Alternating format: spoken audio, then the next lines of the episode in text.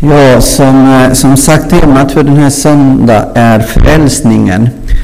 Och frälsningen är ju ett centralt begrepp eller händelse i världshistorien. Och ett centralt begrepp också i Bibeln. Alltså frälsningen. Det som Gud tog alltså initiativet eh, till eh, att göra i, mitt i, i, vad ska man säga, världshistoria. Egentligen när man läser, börjar läsa Romarbrevet, aposteln Paulus målar en ganska mörk bild av eh, när det gäller människans situation. Det står att alla har syndat och gått miste om härligheten från Gud. Och det är på något sätt att ingen av oss når, når vad skulle man kunna säga, Guds standard när det gäller att leva ett felfritt liv, ett fullkomligt liv. Gud han är helig, han är fullkomlig och när han skapade människan ville Gud också leva i en fullkomlig relation med människan. Och han också kallade människan att leva ett heligt och fullkomligt liv. Och eftersom han är vår skapare, han också bestämde hur vi skulle leva. Inte för att eh, på något sätt han ville vara, bestämma, vad ska man säga, som en eh, som här slavdrivare, utan för att vi skulle kunna leva i frihet i hans närvaro. Han ville att vi skulle leva i balans med oss själva, med andra människor och också med Gud. Men verkligheten är att ingen människa kan klara av att leva så som Gud vill. Alltså ingen människa skulle, skulle kunna uppfylla allt som Gud vill. Och det står också i Bibeln att eh, ingen finns som är rättfärdig. In, inte en enda. Och det var på det sättet när eh, vi kan läsa ju i Första Moseboken när Adam och Eva eh, hörde den här frestelsen från ormen. Och de eh, lyssnade på den, den rösten istället för att lyssna på Gud som synden och döden kom in i världen. Och när människan valde en annan väg än Guds väg, då kom synden och döden in i världen. Vi gick alla vilse som får, står det. Var och en tog sin egen väg. Och det här med att vara vilsen, vilsenheten, det är någonting som karaktäriserar, tror jag, mänskligheten i alla tider men också idag. Det här att känna sig vilsen. Att inte veta liksom eh, hur framtiden kommer se ut eller vilken väg man ska ta. Att, eh, att inte veta hur man ska bete sig i förhållande med, med sig själv, med sina medmänniskor, med Gud. Och det kan vi uppleva väldigt mycket, den här vilsenhet som uttrycker sig i våldshandlingar, som uttrycker sig att eh, ibland vi tänker att var är vi på väg? Den här vilsenheten har sin grund i att vi människor har valt vår egen väg och inte Guds väg. Var och en tog sin egen väg. Och syndens konsekvenser är allvarliga. För synden förlovar oss, förslavar oss och skiljer oss från Gud. Synden leder till dom, till straff och döden. Och det står också i brevbrevet, liksom det är människans lott att en gång dö. och sedan dömas. Alltså synden eh, leder just det här till dom, till straff och till döden. Och det som är någonting inom oss, den här kampen som Paulus också talar att det goda jag vill göra, det gör jag inte och det onda som jag vill undvika och inte göra, det är just det som jag gör. Och den här striden finns inom oss och vi vet inte riktigt hur vi ska komma ur detta. Och sen människan på olika sätt har försökt rädda sig själv, alltså frälsa sig själv.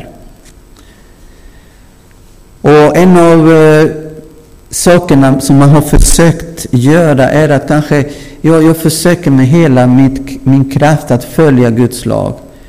Att, att leva ett rättfärdigt, ett, ett gott liv.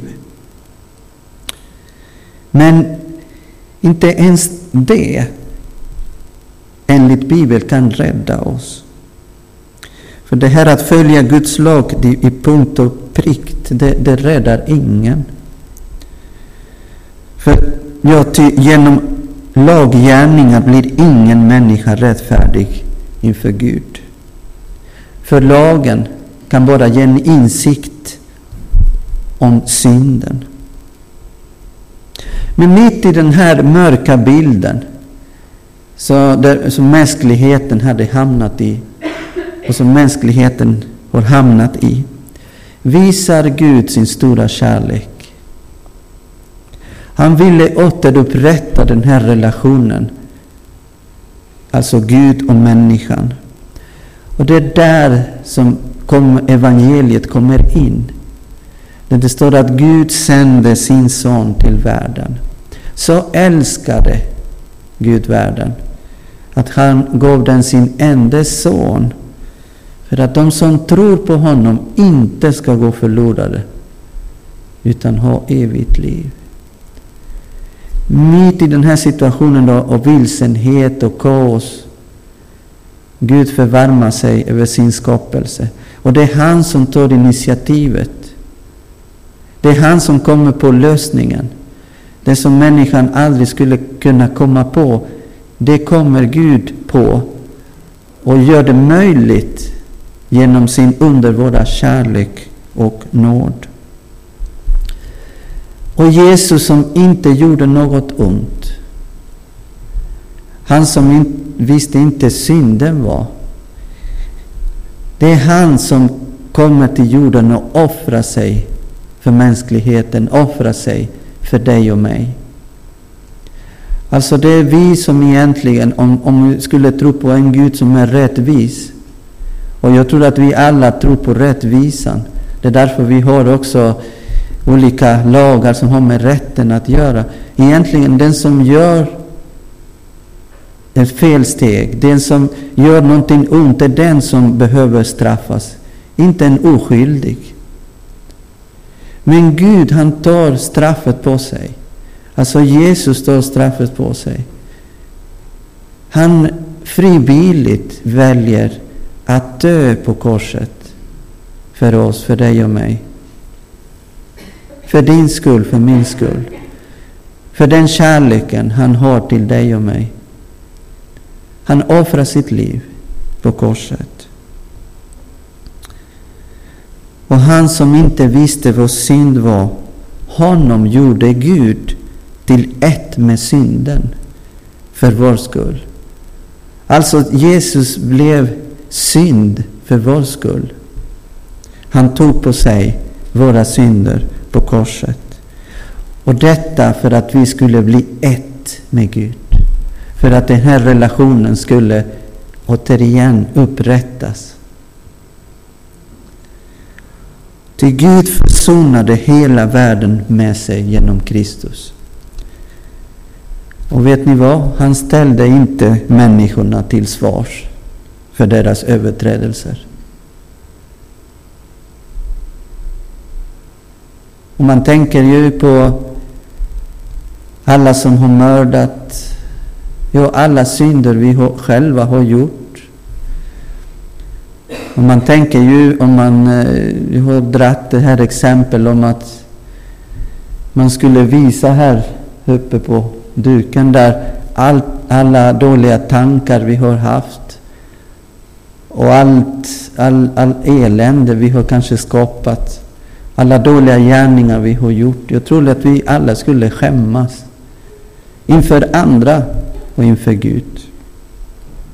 Men Gud, han tog inte, han ställde inte människorna till svars för det, för våra överträdelser. Det var inte hans tanke, utan hans tanke var att rädda människan, att rädda mänskligheten. Och det står också att Gud kom inte, eller Jesus kom inte till världen för att döma världen, utan Jesus kom till världen för att rädda den. Det är det som är huvudsyftet. Det är nåd, det är kärlek.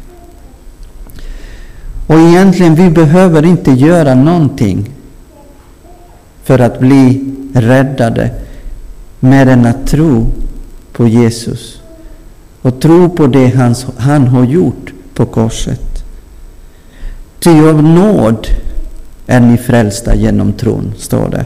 Inte av er själva, inte för att vi har kunnat skapa det och göra det, utan det är en gåva som Gud har gett i mänskligheten. Genom tron är vi räddade.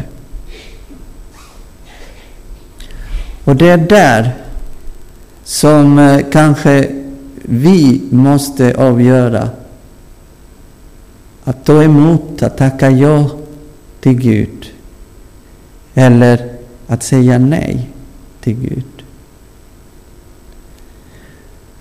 Och det står en underbar löfte i Johannes evangeliet där det står Men åt dem som tog emot honom gav han rätten att bli Guds barn åt alla som tror på hans namn, som har blivit födda, inte av blod, inte av kroppens vilja, inte av någon mans vilja, utan av Gud.